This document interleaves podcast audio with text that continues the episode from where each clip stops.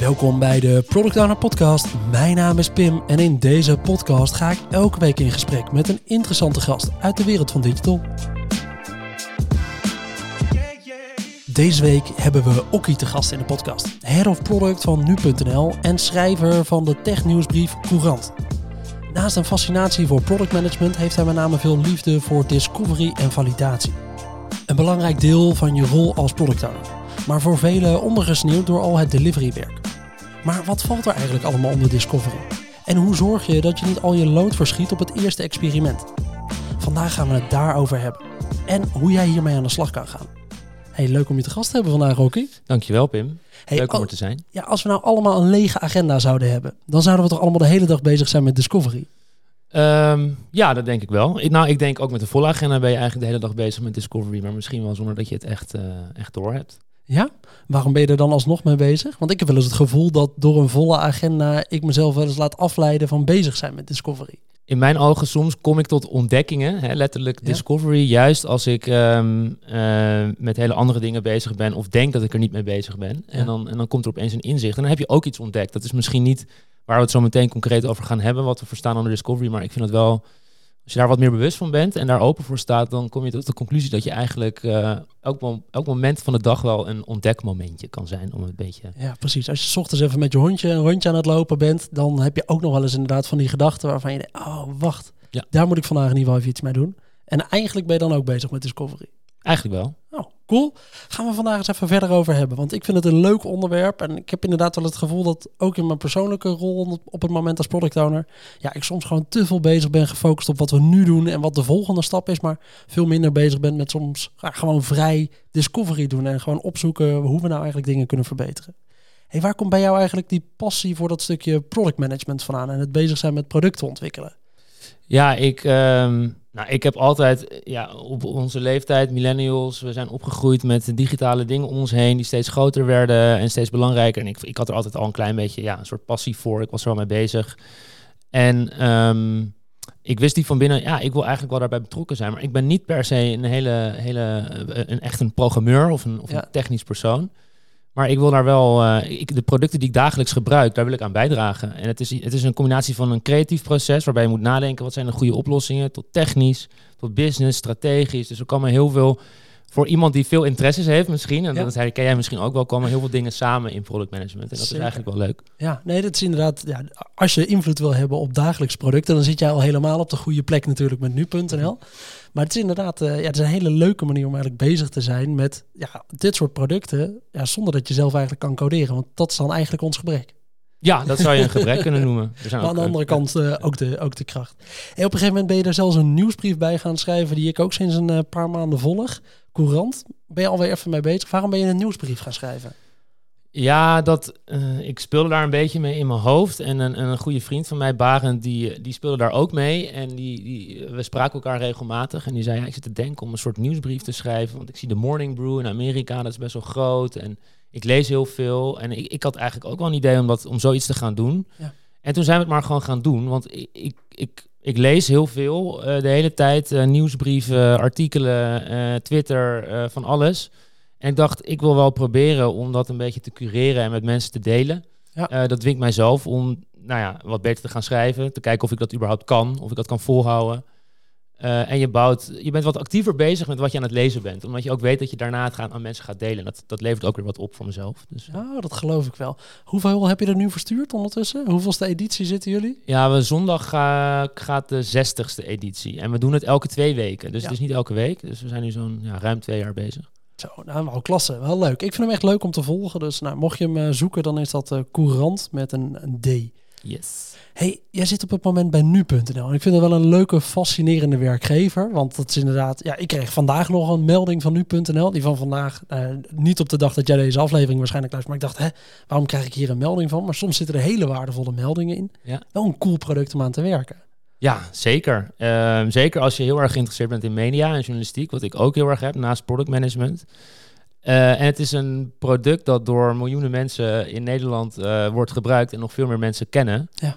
Dus het komt ook regelmatig voor dat ik in de trein zit en dan zie ik iemand nu.nl gebruiken. En dan denk ik, nou ja, het is wel leuk dat ik daar een kleine rol in speel. ja. En even kijken hoe ze dat doen en waar ze tegenaan lopen. Ja. en het vervult ook een belangrijke functie in Nederland, want het maakt ja, nieuws heel toegankelijk voor heel veel mensen. en het is heel belangrijk dat iedereen goed geïnformeerd blijft over, over wat er gebeurt in de wereld. En dat proberen we elke dag te doen. Ja, ah, cool. Ja, ik vind het een fascinerend, inderdaad leuk iets. Hoeveel gebruikers heb je dan inderdaad op een applicatie? Nou ja, op web en app samen zitten we zo, nou ja, wat was het, 8 miljoen unieke per maand. En per dag zitten we zo rond de, nou ja, dat, dat schommelt een beetje. Ja, precies. Maar, ja. 8 miljoen ja, maand. Maar in, dagelijks is dat wat minder hoor. Ja, 2, 3. Ja. Ja. nog steeds uh, fascinerende aantallen als je het mij vraagt in ieder geval. Ja. En je bent daar binnengekomen als product owner, ondertussen doorgegroeid naar de rol van head of product. Wat deed je in je rol als product owner daar? Uh, ja, daar was ik product owner van één van de teams binnen nu.nl. Ja. nu.nl is overigens onderdeel van een groter mediabedrijf, DPG Media. Ja. Um, en ik uh, zat er op het team dat zich vooral richtte op uh, alles wat met interactie te maken heeft. Dus de reacties onder artikelen, het kunnen insturen van vragen, eigenlijk het contact van tussen de lezer en, uh, en de redactie en alle techniek die daarbij komt kijken, ja. maar ook alle functionaliteiten en dat soort ja. zaken. Maar dat dwingt zo helemaal om veel in gesprek te zijn met gebruikers. Ja, dat is dan wel, ja, wel belangrijk. Ja. ja. En op een gegeven moment hebben we de stap gemaakt van die rol naar head of product wij krijgen wel regelmatig eigenlijk die vraag ook wel van luisteraars. Van oh, we zouden daar wel wat meer van willen snappen. Want dan verandert je rol wel enorm. Je gaat weg van het development team. En je gaat bezig met een strategisch niveau eigenlijk boven een ander aantal product owners. Klopt dat? Ja, ja, ja, boven vind ik altijd zo'n beetje zo gek klinken. Maar ja, je scope wordt wel wat, uh, wat anders. En het ging ook vrij snel. Ik had niet verwacht dat het zo snel zou gaan. Maar mijn voorganger ging een gegeven moment weg. En toen ja, was die kans er. En ik vond het zo leuk bij nu.nl. En nu uh, nog steeds in deze rol. En het is inderdaad wel anders. Want je bent niet direct met één team bezig en met de details van een specifieke functionaliteit. Of, uh, ja. Maar ik vind het wel leuk bij nu.nl dat ik ook gewoon nog steeds heel inhoudelijk met het product bezig kan zijn. Um, maar me er ook weer niet te veel mee, uh, mee bemoeien. Want wat ik zo leuk vond als product owner, ja. dat ik heel veel uh, ja, uh, vrijheid en autonomie had om zelf uit te vogelen welke kant ik met dat stukje van het product op wilde gaan. Ja, precies. Dus je nu zorg je ook in alle mogelijkheden er in ieder geval voor dat de rest van de organisatie dat wel behoudt. En dat je dat niet naar jezelf trekt. Ja, dat is wel de bedoeling. En ja. Dat is, ja, ja. En, maar goed, we zijn ook onderdeel van een nog groter bedrijf. En daar zijn ook weer belangen en zo. Dus dus altijd wat nuance, maar inderdaad. Ja, ja. Hoe is je rol daar verder dan in veranderd? Want je zegt, daar hebben we inderdaad nog meer belangen. Dus het stukje stakeholder management ligt normaal voor een groot deel ook bij de product owner. Maar als head of product pak je ook wel een stukje van het stakeholder management op. Ja. Hoe veranderde jouw functie daarmee? Ja, de onderwerpen waar je met stakeholders over hebt, die zijn wat um, soort van globaler en strategischer van aard, zeg maar. Ja. Uh, en bij zo'n groot bedrijf, het is een bedrijf met heel veel meningen en heel veel goede ideeën. Um, en als product owner moet je in staat zijn om die ideeën op waarde te schatten en, uh, en, en daarin mee te werken. Uh, maar er zit ook wel een stukje in een klein beetje voorsorteren al, weet je wel. Dat we niet, ja. uh, dat de product owners en de rest van de, de, development teams helemaal overladen worden met alles wat er mogelijk zou Ergens een beetje zijn. het filter zijn tussen ja, de rest beetje, Ja, precies. Maar dat ook wel niet te veel doen, want um, goede ja. ideeën floreren als ze getoetst worden door meerdere mensen. En dat moet niet door mij zijn. Dat moet door de mensen in de teams ook uh, gebeuren. Oh, cool. Nou, misschien eens een onderwerp waar we later nog eens even induiken... om dat uh, nog even wat verder uit te diepen. Voor nu gaan we het hebben over een onderwerp toen we het zeiden... Ja, jij zei, ik ben hier altijd wel graag mee bezig. Discovery en validatie. Kijken inderdaad wat je zou kunnen doen met je product... Zonder dat je een enorme bak aan opties gaat toevoegen aan een applicatie bijvoorbeeld die niemand gebruikt. Want hey, je moet ze wel valideren als je iets wil ontdekken. Oké, nou laten we het daar eens inderdaad over hebben. Want wat verstaan we eigenlijk onder het kopje discovery? Ja, discovery, het is eigenlijk een term die ik pas later leerde kennen. Uh, toen ik eigenlijk al heel veel dingen deed die je nu als discovery zou bestempelen. Um, maar wat ik eronder versta is eigenlijk een soort van uitvogelen wat nou de belangrijkste problemen zijn die je probeert op te lossen. En dan te ontdekken, letterlijk discovery, wat de oplossingen daarvoor zijn. Ja. En ook te toetsen of dat goede oplossingen zijn. Voordat je daadwerkelijk overgaat tot het op een schaalbare manier uh, uh, bouwen. Ja. Je hebt die, ja, ik denk dat veel mensen wel kennen, weet je al, um, um, uh, build the thing right en build the right thing. En discovery gaat vooral over build the right thing. Ja. En delivery, tussen aanhalingstekens, gaat dan over build the thing right. Overigens vind ik niet dat dat twee aparte dingen zijn die na elkaar zijn altijd. Nee. Ik vind dat dat, dat, dat, dat, dat, gaat hand in hand. En dat gebeurt ook door dezelfde groep mensen, wat mij betreft. Uh, maar het wordt ook wel eens uh, ja, vergeten of, of ja, het krijgt niet altijd de aandacht die het zou, uh, verdienen. Ja, precies. Want wat valt er dan in jouw ogen praktisch gezien onder discovery? Hoe kom je nou tot die stap van meer ontdekken? Dat Nou zijn ja, dingen die je kan doen. ja, wat je kan doen, nou, je, moet, je moet denk ik, het is belangrijk om een goed doel voor ogen te hebben. Ehm, en dat kan een, een bepaalde outcome zijn dat je, weet ik veel, meer mensen wil laten inloggen. Of dat je een specifiek probleem wil oplossen. Of dat je een specifiek stuk van je product wil verbeteren. En dan zijn er ontelbaar veel methoden en dingen die je kan doen om ten eerste uit te vogelen, is dit echt het probleem wat we moeten oplossen? Door eh, met mensen te praten, onderzoek te doen, eh, gebruikers te spreken, stakeholders te spreken, je eigen product te gebruiken, van alles eh, te doen. En dan op een gegeven moment, ja, ehm, eh, ja een soort... ehm, je kan het via workshops doen of brainstorms of whatever. Ja. Kan, je, kan je gaan brainstormen over wat dan de kansen zijn om dat product op te lossen en vervolgens tot oplossingen te komen. En er zijn allerlei manieren voor. Je kan ervoor brainstormen, je kan een design sprint doen, je kan het continu doen. Ja. Maar het belangrijkste is dat je op een gegeven moment tot een soort set aan hypotheses komt die, eh, die je kan toetsen. Ja, precies. Ja, en, wat we inderdaad al eventjes in het intro zeiden, ja, het is gewoon heel makkelijk om als je een product, eigenlijk ben je ook wel een beetje de beheerder van het product als product owner. Je wil gewoon zorgen dat het goed werkt. Er zijn waarschijnlijk al wat wensen vanuit de rest van de organisatie. Eigenlijk ligt er al een bak werk. En je bent ook wel gewoon bezig met het opleveren. En ja, je weet dat je een paar dingen moet verbeteren, dus je gaat die paar dingen verbeteren. Maar jij zegt, je zou als product owner of als product manager ook veel meer bezig moeten willen zijn met ontdekken wat er verder dan dat ligt. Ja. Want eigenlijk pas als je daar tijd aan gaat besteden, dan kom je ook achter wat misschien wel de echt goede nieuwe dingen zouden zijn. Ja, en dan weet je beter wat je nou echt zou moeten opleveren. Want opleveren zul je en zul je moeten doen. Dat Ja. is, laten we niet ontkennen dat dat gewoon moet. Je moet Ja. ship the product, zeg maar. Eh, maar het helpt dan wel om, om iets te shippen wat ook echt impact gaat maken. En dat vraagt ook soms om een andere mindset, maar ook een, an- een, een soort bredere interpretatie van wat je rol is als, eh, als product owner of product manager. Ik gebruik die termen ook altijd een beetje door elkaar. Eh, Terecht. in, in Scrum heb je de rol van product owner, maar men zegt ook in, in heel veel andere techbedrijven van ja, je bent een product manager, je bent verantwoordelijk voor het product en je speelt, je kan de rol in Scrum van product owner eh, spelen of Ja. hebben. Dit is denk ik eh, dit jaar een van de meest voorkomende discussies die ik voorbij hoor komen. Het verschil daartussen Ja. en eh, hoe bedrijven het benaderen. Uiteindelijk gaat het om het vervullen van dezelfde functie. Ja. In ieder geval, zo, zo zijn we het maar een beetje gaan zien. Wat is nou voor jou persoonlijk je favoriete manier van discovery doen?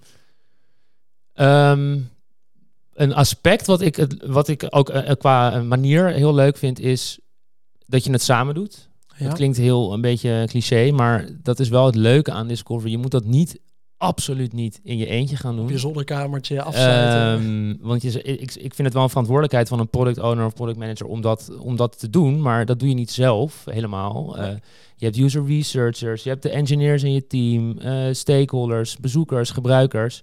En daar doe je het samen mee. En een, een leuke, ik, vind dat er hele leuke elementjes zitten in een, ik weet niet of je veel design sprints hebt gedaan. Ja. Daar zitten allerlei tooltjes en workshopjes in om tot goede ideeën te komen. Ja. Dus eh, van de Crazy Eight tot, ehm, eh, nou ja, van, ja, eigenlijk van alles. eh, story mapping, opportunity mapping. Lekker met post-its gaan werken. Dat is allemaal heel praktisch, heel leuk. Ja. Maar het hele ja, soort van concept van samen op ontdekkingsreis gaan, dat Ja. klinkt weer heel erg... eh, je hebt een beetje last van mij naar wat je zelf ja, zegt, maar ja, het is wel waar. Ja, het is, het, is, eh, ja, het is eigenlijk op een ontdekkingsreis gaan. En dat, vind ik, dat vind ik heel leuk. En het is heel belangrijk. Ja, ik vind een van de meest praktische manieren nog wel om gewoon een blok in je agenda te zetten. Zeg maar, twee uur even out of office eh, bijna aan te zetten. Je te zorgen dat je op alle manieren je eigen product kan betreden. Of het nou via een website is, via een appje of dat soort dingen. En gewoon eens richting jouw eigen product gaan vuren alsof je een hele irritante gebruiker bent. Die gewoon een slechte dag heeft. Die acht keer gaat klikken op zoeken op, dezelfde, op hetzelfde moment. Om te kijken of dat je dan je service gaat irriteren. Die snel iets gaat typen, dingen gaat weghalen bijvoorbeeld. Of ergens doorheen gaat klikken.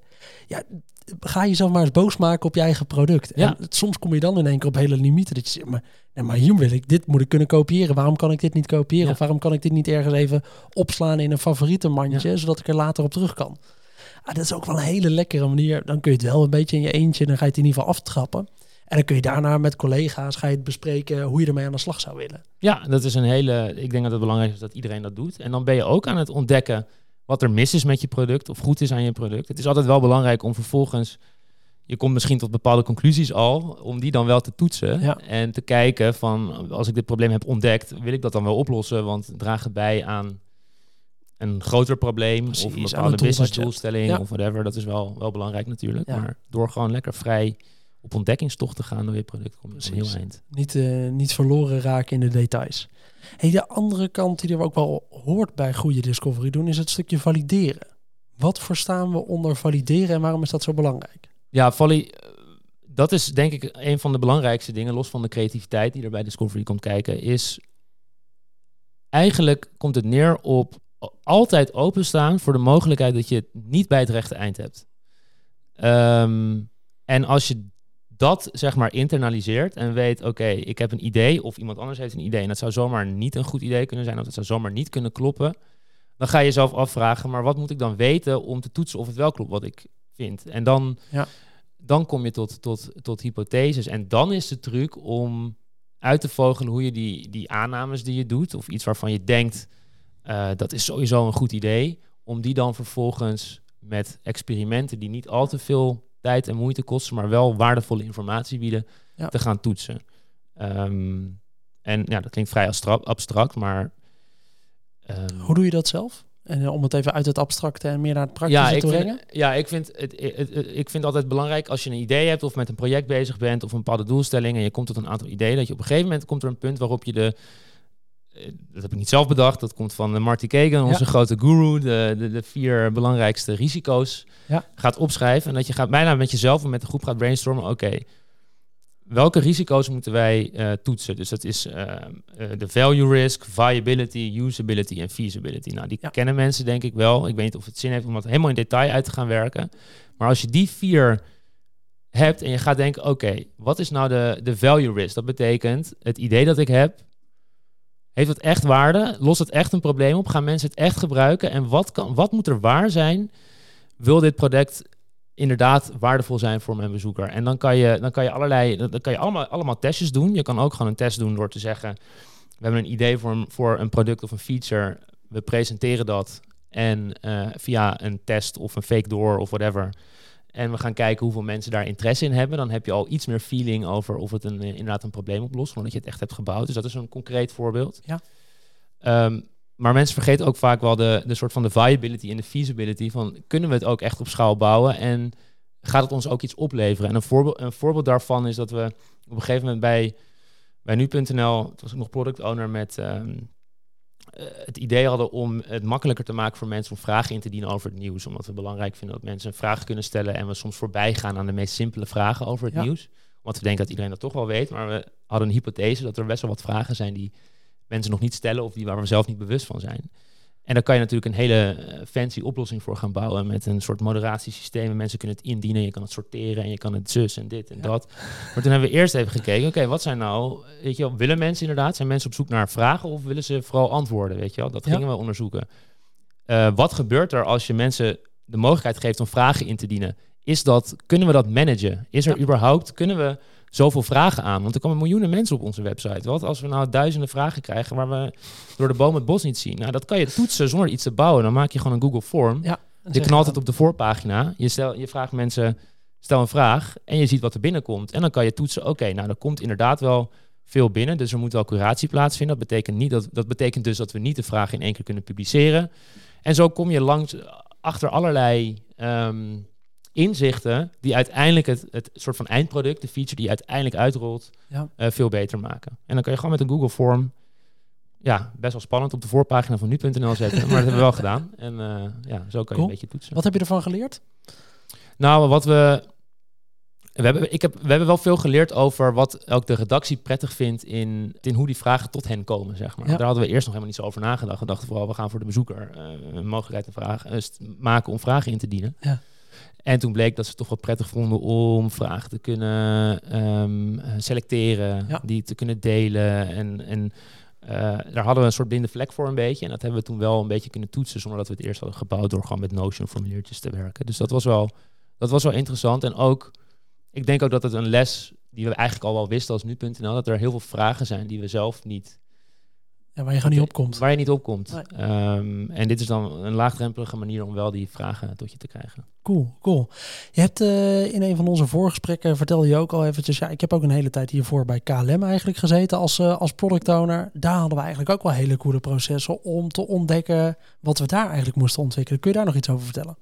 Ja, ja, dat, ja, dat is eigenlijk waar mijn interesse voor, voor discovery en eigenlijk ook product management wel zich heel erg heeft ontwikkeld, zeg maar. Ehm, KLM had of heeft een soort eh, plek, een team, een, een afdeling die heet KLMX en een hele, dat, ik weet niet of dat er nog steeds is, een samenwerking met de TU Delft, de, de faculteit industrieel ontwerpen. Ja. Eh, waar, je, waar studenten heel veel leren over design thinking en al dat soort zaken. En dat was een, een soort van hele intense samenwerking waarbij dat gedachtegoed achter nou ja, design thinking, wat een belangrijk onderdeel is eigenlijk van, van Discovery, uh, zoveel mogelijk in het bedrijf verspreid werd.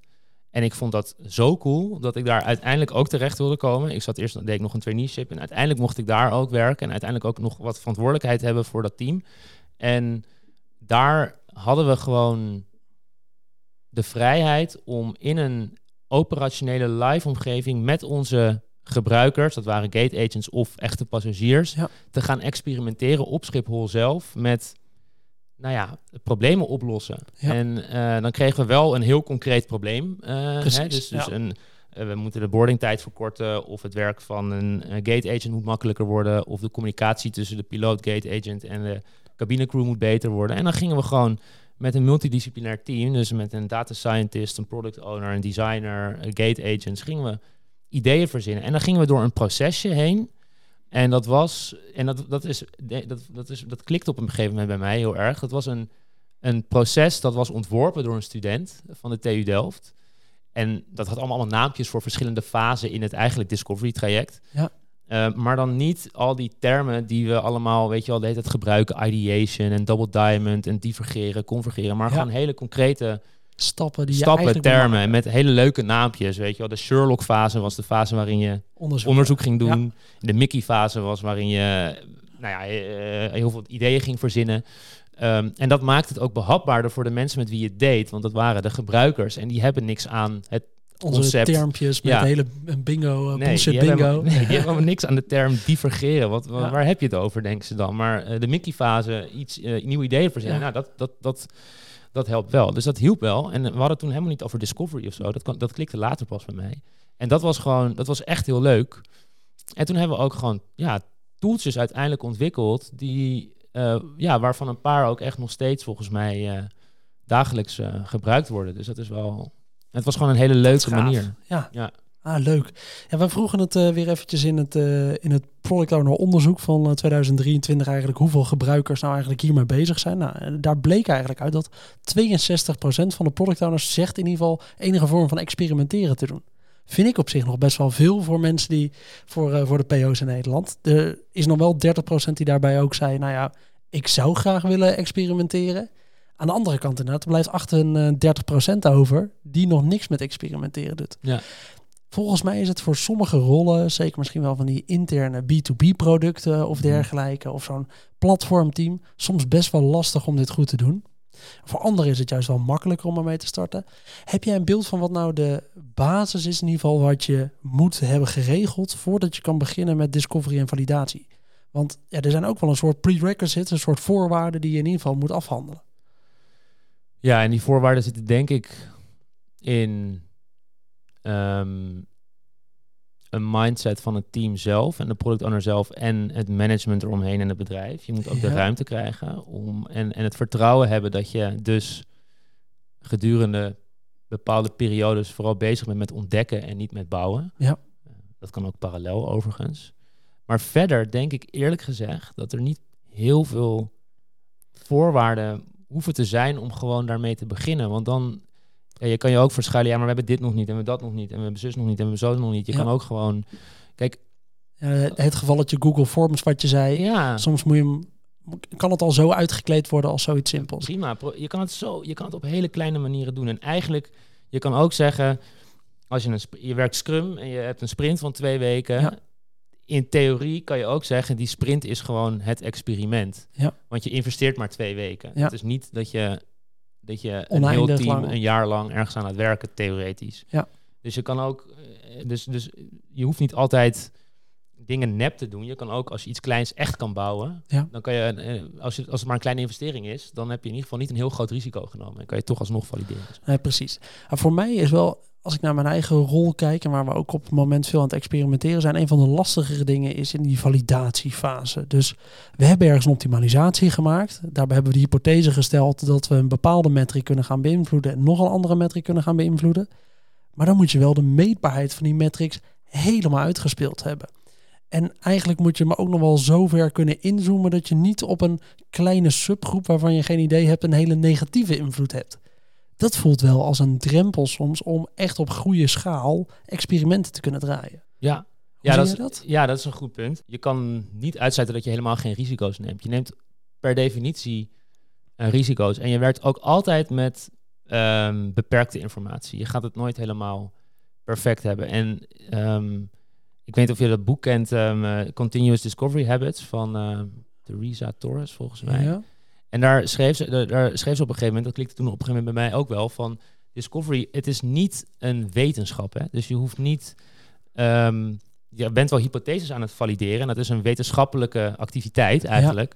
Maar je hoeft het niet, het hoeft niet helemaal gepeer-reviewed te zijn Nee. en volgens wetenschappelijke standaarden. Het feit dat je het überhaupt al aan het valideren bent, Ja. gaat jou tot inzichten komen en kan je weer wat dingen afstrepen. Maar je kan, het, je, je kan alsnog kan het natuurlijk de verkeerde, het verkeerde eh, eh, besluit opleveren. Maar dan, dan kom je dan wel uiteindelijk wel soort van achter. Ja. Ehm, dus je, je probeert het risico steeds kleiner te maken, maar je kan het nooit helemaal eh, wegnemen. Nee, nee, dat snap ik wel. Uiteindelijk gaat het gewoon om beginnen. Hey, je noemde net al eventjes die, die double diamond. Dat is een, een methode. Ja. Wat zijn voor jou de, de methodes waarvan je zegt, hey, daar kun je nu als luisteraar ook eigenlijk wel mee aan de slag. Dus misschien moeten we eerst even inzoomen op die double diamond. Daar zijn een paar stappen in. Die kunnen mensen ook makkelijk even online opzoeken natuurlijk, die double diamond. Dat gaat erover dat je eerst met je gebruikers heel erg gaat spreken, toch? Je gaat eerst proberen informatie op te halen.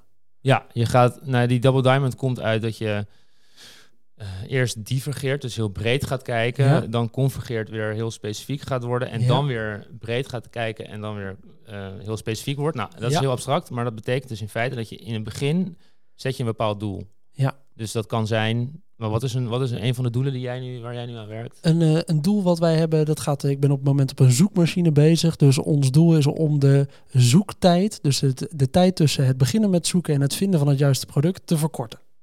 Ja. Dat is eh, Ja. een, een challenge die we hebben. Vrij concreet.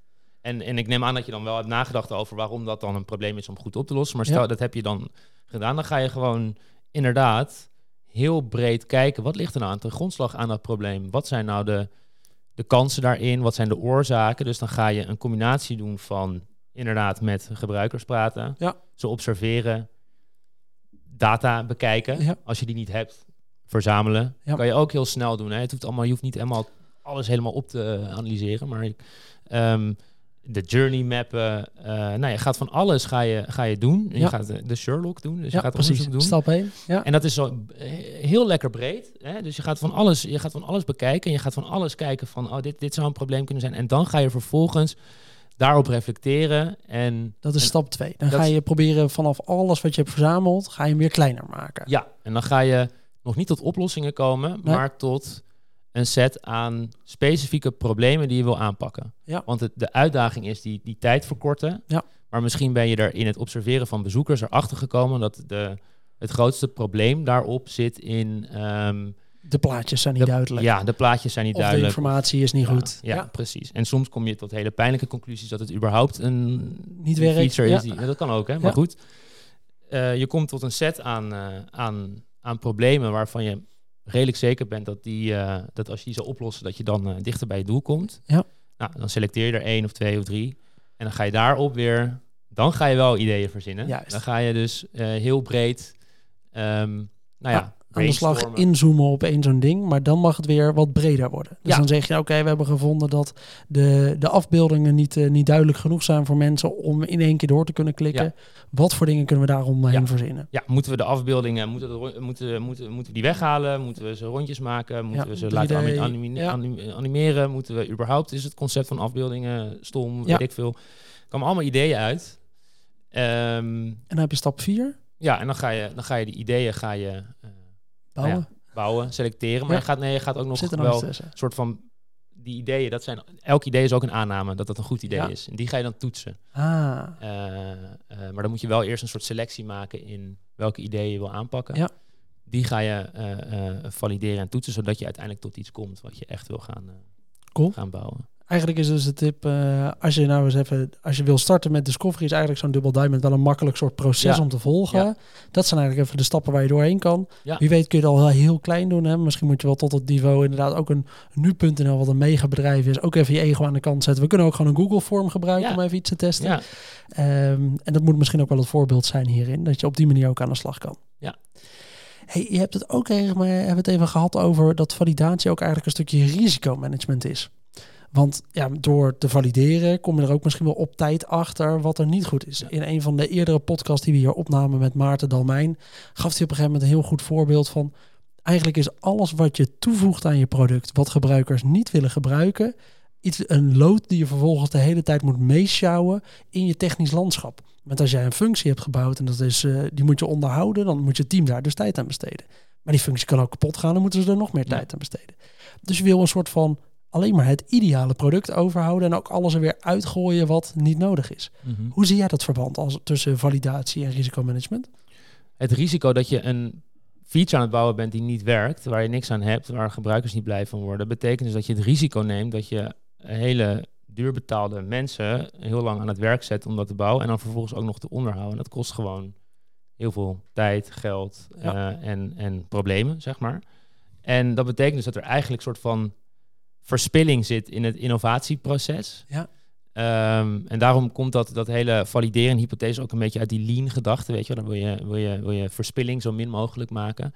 En door te valideren kan je eh, dat risico al wat eerder pakken, zeg maar. Eh, Ja. Op een kleine manier. Ehm, eh, waardoor je met, met ja, wat meer zelfverzekerdheid uiteindelijk ehm, iets echt gaat ontwikkelen, zeg maar. Ja. Of iets groter gaat opschalen. Ik weet niet of dat je vraag Precies. beantwoordt, maar... Nou, dat geeft wel een, eh, een, een goed beeld van waarom het eigenlijk zo belangrijk is. Hè? Want een van de, denk ik, de gedachten waar veel luisteraars misschien wel mee spelen is, nou, hoe krijg ik nou eigenlijk mijn organisatie ook overtuigd dat ik in mijn agenda of wij met ons team meer tijd krijgen om discovery te doen. Want ja, soms wordt er vanuit de business wel eens gedacht, die jongens moeten gewoon opleveren. Heel leuk dat jullie Scrum werken, lever het maar op per twee weken. Maar ik wil met name dat er gewoon doorontwikkeld wordt. Een van de manieren volgens mij waarop je heel goed kan verantwoorden aan de rest van het bedrijf dat je meer tijd wil steken in discovery, is dat je met discovery en validatie een soort het risico kan beheren dat het product wel beter wordt, maar dat je niet in één keer te veel tijd gaat steken in dingen die uiteindelijk niet heel belangrijk blijken voor je gebruiker, maar daarom wel ook tijd steekt in het vinden van die dingetjes die misschien wel heel veel invloed hebben, zonder dat je daar hele grote verspillingen gaat doen. Ja. Dus ik denk dat eh, het daarin misschien ook wel voor de luisteraars een hele belangrijke stap juist is om die link wel te pakken. Ja, en dan het, het woord verspilling triggert volgens mij al heel veel mensen, bazen bij bedrijven. Dus eh, als je dat wil verminderen. En je kan met Discovery ook, toon het ook aan hè, in het klein. Als je, eh, afhankelijk van hoe je Discovery aanpakt, want dat kan je op zoveel manieren doen. Maar op een gegeven moment als je een experimentje doet. Ja. Toen met, met dat, vragen, dat, dat vragen indienen, we hadden niet een volledige oplossing gebouwd. Maar we hadden daadwerkelijk wel al wat waarde opgeleverd. Want we kwamen wel daadwerkelijk vragen binnen. Dus je, je laat ook wel weer voortgang zien. Waar sommige mensen of managers dan weer blij van worden. Dus dat, dat helpt dan ook wel weer. Ja. Ja, ja en, het, en, en als het probeert in de schaduw ook een beetje te doen, als, als er echt geen support voor is of zo, weet je wel, Ja. eh, in, in je dagelijks ding. En toon dan aan dat het werkt. Eh, maar goed, ik heb ook wel veel geluk gehad, want bij KLM was er echt een heel Veel team- ruimte voor. Ja, ja, dat verschilde per afdeling wel, Ja. maar een, een, daar was echt een heel team ervoor opgetuigd met support van het hoge management en een samenwerking met, eh met eh, allemaal hele slimme designmensen. Want het is eigenlijk een design exercitie wat je aan het Ja. doen bent. Dus designers zijn heel belangrijk en, en researchers. Ehm, nou ja, en, en ja, dus dat, dan heb je ook wel weer geluk. Maar ik denk dat je ook in het klein, in het dagelijks leven, in je, in je kleine dingetjes, kan je altijd wel een aantal dingen valideren. Door te vragen waarom, ook door terug te vragen. Ja. Van waarom denk je dat dit een goed idee is? En hoe zouden we daar achter komen? En de mensen te betrekken. Van Ja. oké, heel gaaf idee. Ehm, gaat, eh, sluit ook aan bij onze strategie en bij onze visie. Maar ik weet niet zeker of het gaat werken. Hoe, zou, hoe denk jij dat we dat zouden kunnen toetsen? Dus continu die vier risico's niet letterlijk benoemen. Net zoals dat je niet over convergeren en over Double Diamond gaat Ja. beginnen. Dus je gaat niet zeggen, wat denk jij dat de value risk is? Ja, nee, je precies. zegt, waarom denk jij dat mensen, hoe kunnen we erachter komen of mensen dit echt willen? Ja. Of, eh, weet je, dus Ah, op die terecht, manier betrek terecht. je ook de mensen erbij en dan worden ze ook onderdeel van het discovery traject. En Ja. dan- dat helpt ook al. Ja, precies. Het is heel lekker in ieder geval om wel een UX'er aan je, kan, aan je zij te hebben staan als je dit proces ingaat. Maar Ja. het is niet per se nodig om de eerste stappen te zetten. Nee, nee, maar eh, nee, zeker niet. Maar Nee. begrijp, ja, maak, ge- nou, maak gebruik van wil ik niet zeggen, maar Ja, de je faciliteiten. hebt niet de illusie eh, dat je het allemaal zelf helemaal kan. Jij bent er om de juiste vraag te stellen en het een beetje ja, er kritisch op te zijn en eh, dat aan te jagen. Maar je moet het doen met de, met de specialisten en de mensen die hier ook voor getraind zijn. Je hoeft het niet in je eentje te Nee, je hoeft het niet in je eentje te doen. Nou, dat is een goeie. Ja. Hey, eh Okkie, ik vind het leuk we een beetje richting het einde van de aflevering gaan. Nog even een paar dingen in ieder geval ook wel van jou te weten. Eén is, ja, we zijn hier nu weer kennis aan het delen. Jij deelt ook kennis met je nieuwsbrief. Wat is voor jou de manier om nog slimmer te worden op dit gebied? Ehm, Doe je nog dingen om slimmer te worden? Volg je opleidingen? Volg je bepaalde podcasts? Lees je bepaalde boeken waarvan jij zegt, daar word ik echt slimmer van? ja, ik lees eh, heel, heel wat boeken over product management. Ja. Ik denk alle usual suspects. Vast ook in, eh in Inspired en, Ja, eh, ja, Inspired, al die dingen. Een, een favorietje? Ehm, ehm, escaping the build trap. Ja, Dat vind ik verplichte kost voor elke productmanager of iemand die in product werkt. Inspired eigenlijk ook. En, eh, en Lenny's newsletter, die kennen jullie Ah, denk ja. ik ook Ja. wel. Dennis Eh, podcast. ja, ja, dat- die kost wel, dan moet je al een jaarlijks betalen. Maar dan zit je ook in die Slack community, er worden Ja. allemaal vragen gesteld, je kan advies vragen. Dus dat, dat helpt heel erg. En ook zelf een beetje, beetje eh, experimenteren. En eh, wat ik nu zeg, is allemaal gebaseerd op de context waarin ik het heb, allemaal heb meegemaakt. En dat betekent niet dat het voor iedereen waar is, zeg maar. En ik, ik- zo, ik ben ook nog niet heel oud, dus ik heb er nog heel veel te leren. Ja. Dus continu bewust zijn van het feit dat je waarschijnlijk ook niet gelijk hebt. Precies. En dat dan te toetsen. Ja. En hier leer ik ook van. Door, ik, moet nu, ik word gedwongen om dingen onder woorden te brengen. Waardoor je er nog beter over gaat nadenken. Dat is ook waarom ik die nieuwsbrief doe. Dan, Ja. dan word je ook gedwongen om de dingen die je leest iets actiever tot je te nemen. Ja. En eh, dan word je langzamerhand eh, gaaf. slimmer. Dus blijf experimenteren. Ja, leuk. Nou, ja. En inderdaad dus ook gewoon zelf durven experimenteren. Niet alleen Ja. met je product. Ja. Cool. Laten we even samenvatten naar de grote les uit deze aflevering. Wat weet je nou aan een luisteraar? We weten dat mensen hier praktische tips altijd wel lekker vinden. Wat kunnen we nou iedereen eigenlijk meegeven op een post-it na, na het luisteren van deze aflevering? Wat zouden ze moeten weten? Wat is de belangrijke tip? De, ik, ik zou een... eh, sta open voor het feit dat je niet gelijk hebt. Ja, En schrijf. Begin gewoon met. Je, je bent waarschijnlijk vandaag bezig met een product of met een nieuwe feature of whatever. Stel je bent er al best wel ver mee, dat maakt niet uit. Schrijf gewoon even de aannames erachter op. Ja. En misschien heb je dat al langer gedaan. Maar als je echt wil beginnen, je hebt het nog helemaal niet gedaan. En dat, je hoeft niet te, te trainen om te weten wat voor aannames. Probeer het maar gewoon. Ja. Denk maar, waar, schrijf wat er maar eens drie op. de, de, stel jezelf de vraag, het is heel concreet. Wat moet er waar zijn om dit, deze feature een succes te laten zijn? Wat moet er allemaal waar zijn? En Ja. ga dan maar brainstormen over... nou, het, het moet, eh, we moeten het makkelijk kunnen bouwen, we moeten het snel kunnen doen, mensen moeten het willen. Dan komen vanzelf dingen achter. En dan, en dan kan je kijken, oké, hoe kan ik daar achter komen? Dus stel gewoon jezelf die vraag. Cool. Eh, ja, dan kom je een heel eind. Nou, eigenlijk is dat al de, hetgeen wat ik van je wilde horen. Ja, waar begin je? Nou, dit is gewoon eigenlijk waar je, waar je wil beginnen. Leuke praktische tip. Ga er eens mee van start. Ja. Schrijf eens eventjes op de drie aannames die er eigenlijk achter jouw product zitten. Ja. En ga vanaf daar eens even terugfilteren. Ik vind het leuk. Uh, Okkie, dankjewel voor een eh, betere introductie in dit onderwerp. Ook voor mij persoonlijk. Hier wil ik wel wel meer over leren. Hier wil ik meer mee bezig zijn. Ik denk een van de leukste delen ook wel in het op het gebied van product management. Dus leuk om het daarover te hebben gehad. Als mensen nou vragen hebben over dit onderwerp, kunnen ze dan een bericht sturen via LinkedIn? Ja. Top, dat is Okkie Wiemeijer op LinkedIn. Dan wil ik iedereen weer bedanken voor het luisteren naar deze aflevering van de Product Owner Podcast. Vond je dit nou een leuke aflevering? Vergeet dan niet om onze podcast een review te geven in je favoriete podcast app. Heb je nog vragen of opmerkingen voor mij? Stuur me dan vooral een berichtje via LinkedIn, dat is Pim Pot, of op pim.productowner.nl. En dan hoop ik dat je de volgende keer weer luistert. Tot dan!